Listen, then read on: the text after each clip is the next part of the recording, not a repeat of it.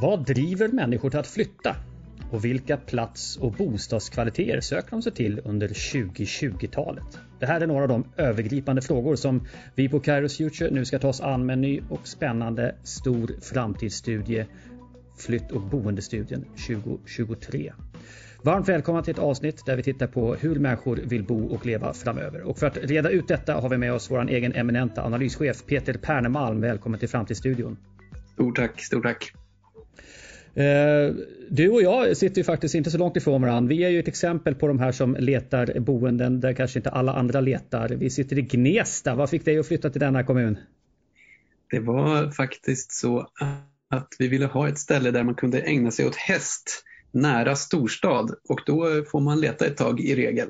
Eh, men det visade sig då att det bästa alternativet som vi kunde komma på det var just Gnesta som har dryga halvtimmen in till Stockholm. Men det är ju väldigt mycket ute i naturen och det finns mycket hästgårdar.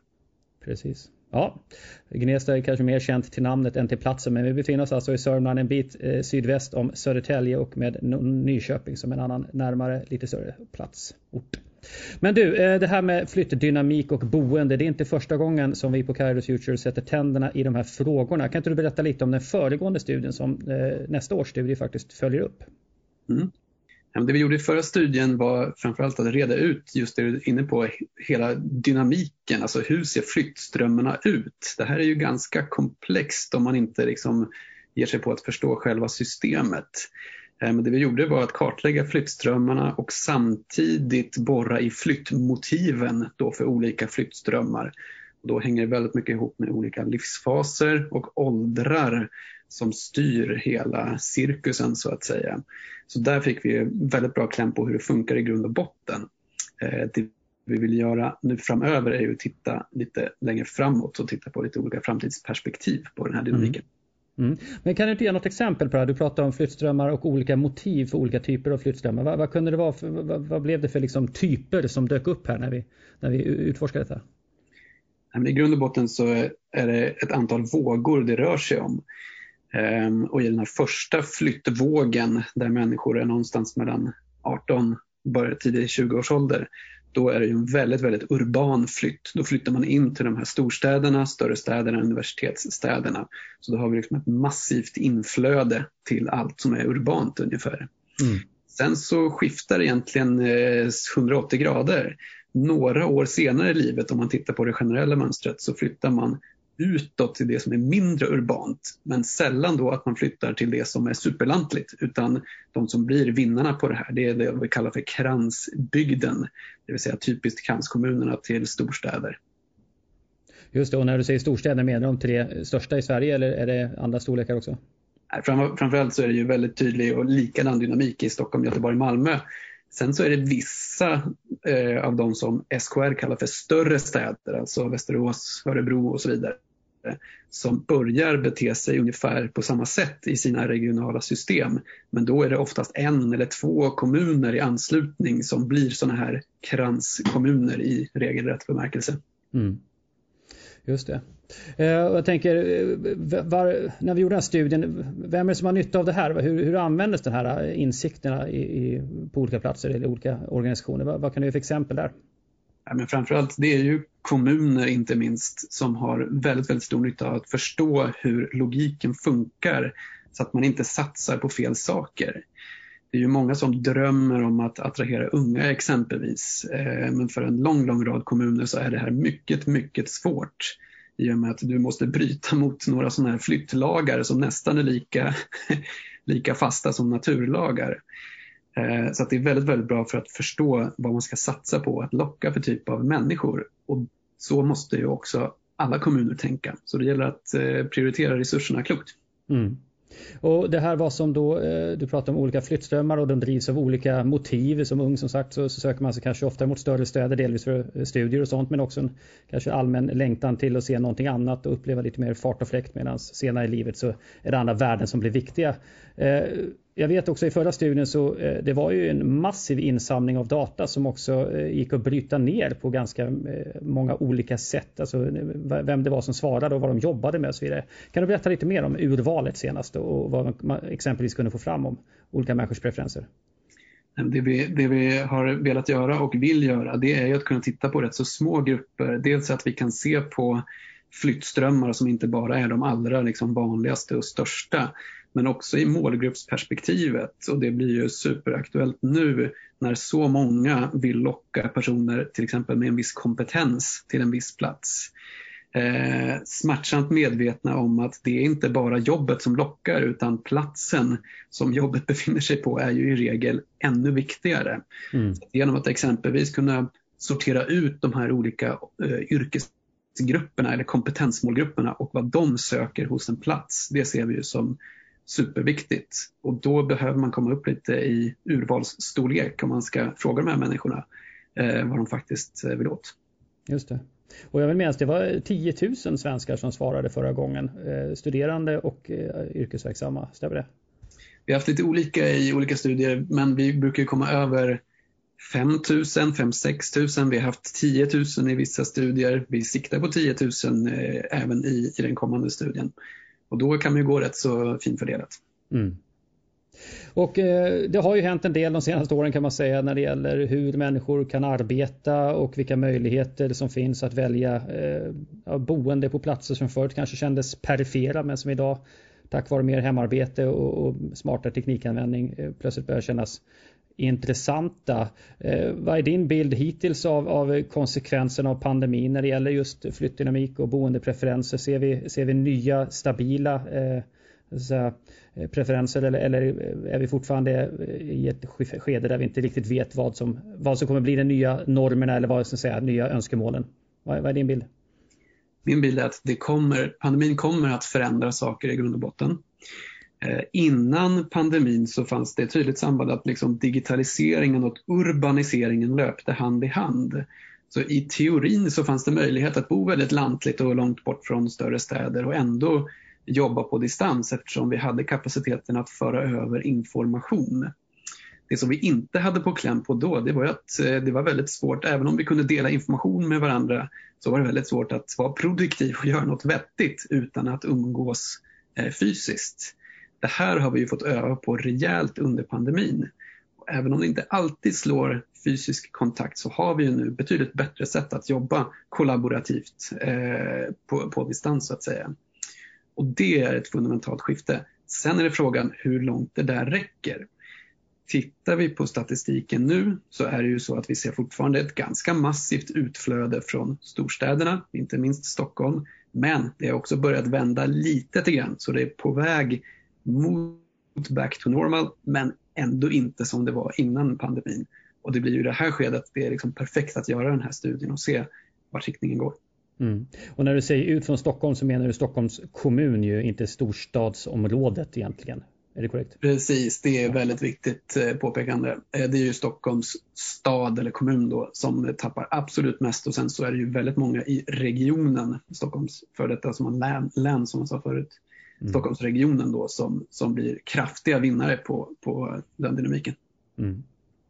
Men det tycker jag ändå är värt att understryka, alltså både det du säger att, att både Stockholm, Göteborg och Malmö, själva kommunerna, centrum i dessa stora eh, arbetsmarknadsområden, eh, de, de har tappat eh, över tid med, medan kransbygden har vunnit. Men även har ju då de här större städerna som du var inne på, Västerås, Örebro, eh, Östersund, eh, Luleå och så vidare har ju eh, haft en positiv utveckling de senaste åren.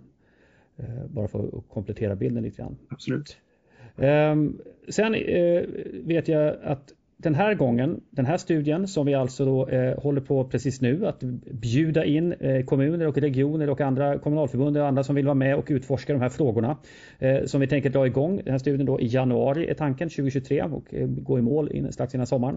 Eh, här vill vi borra lite fler frågor som inte var med förra gången, bland annat eh, hållbarhetsomställningen och konsekvensen av en ökad oro i omvärlden. Vad, va, va, vad tänker du där? Hur kan det påverka flyttdynamiken och, och boendemöjligheterna framåt? Det som jag tycker är mest intressant det är ju ödesfrågan egentligen. När kommer människor att börja ta in klimatförändringskonsekvenser i sina flyttbeslut? Det här är, nog, det här är inget definitivt i förra studien som vi gjorde runt 2015, absolut ingenting vi såg då.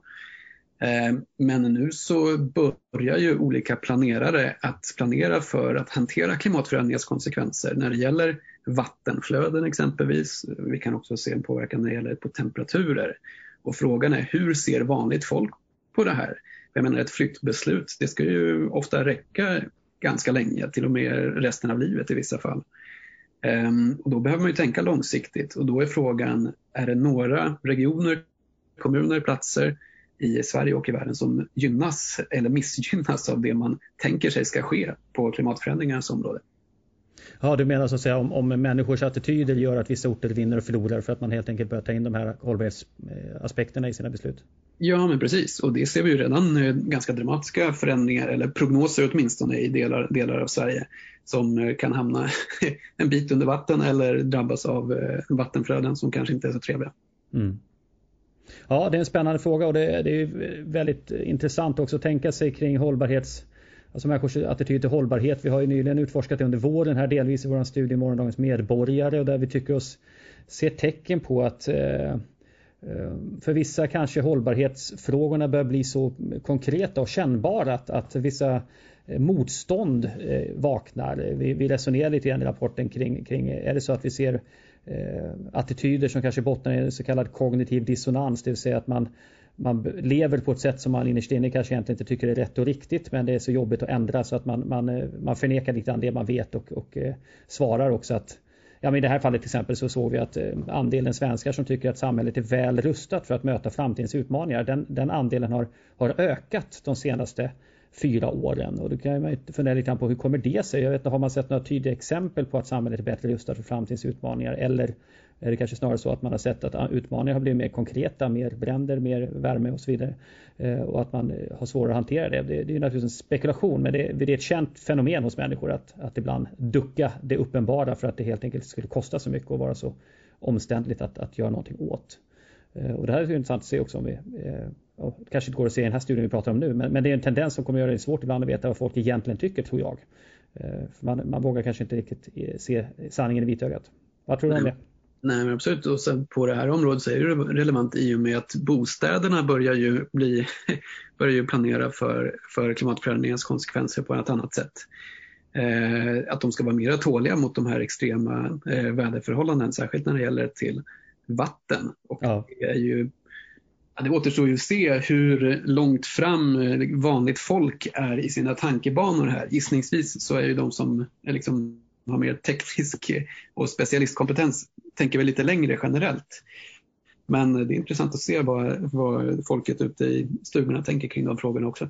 Mm. Eh, ska vi säga någonting kort om en sån här framtidsstudie. Jag nämnde tidigare att vi nu är ute och bjuder in eh, kommuner, regioner, kommunalförbund och andra som kan tycka det är intressant att utforska. Eh, hur brukar de gå till ungefär och vad innebär det att vara medarrangör och medverkande i en sån? Men i steget som vi är nu så, som du säger, så bjuder vi in. Hela grundtanken är att om det är många aktörer, till exempel då kommuner som har ett intresse av samma fråga, varför kan vi inte då samla ihop ett gäng och dela på lite kostnader och också dra gemensam nytta av resultatet?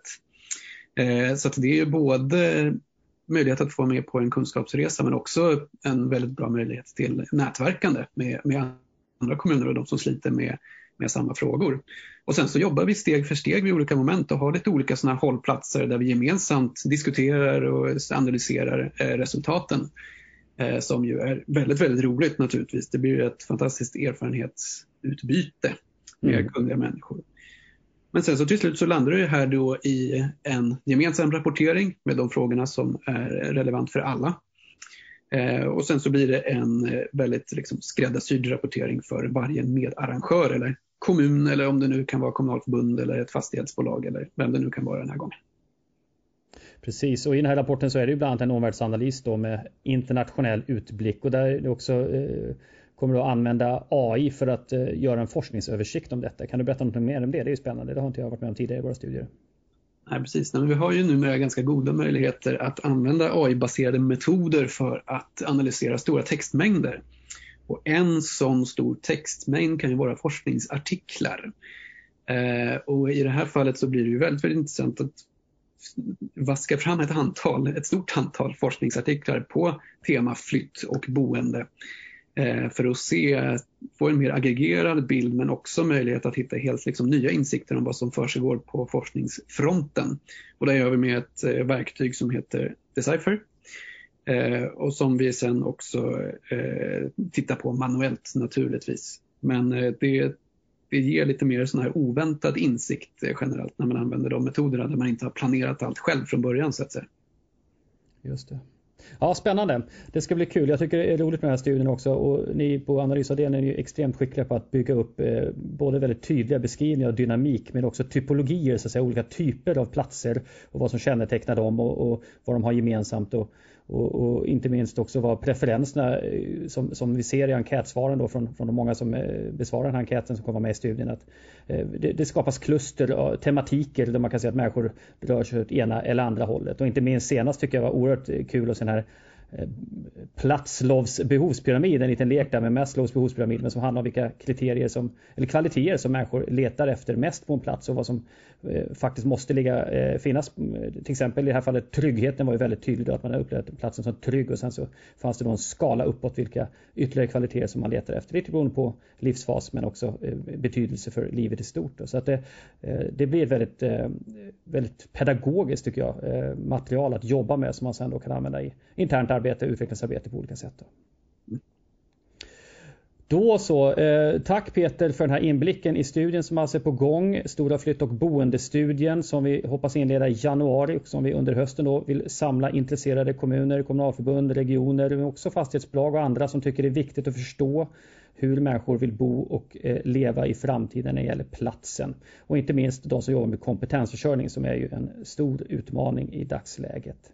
Vill du veta mer om detta, använd dig av länken, länken som ligger här i programtexten på din eh, poddapp eller gå in på vår hemsida och sök på Stora Flytt så kommer du eh, hitta fram till den landningssidan där man kan också ladda ner prospektet och titta närmare på hur det här upplägget går till. Och I korthet så tar det ungefär eh, tre eh, arbetsdagar för två personer från varje organisation. Det brukar vara det normala, hur mycket man behöver närvara i studien. Tre arbetsdagar ungefär, som en liten orientering. Men varmt välkomna dit och eh, tack så mycket Peter för det här besöket. Vi hörs igen i Framtidsstudion. Tack själv, vi hörs.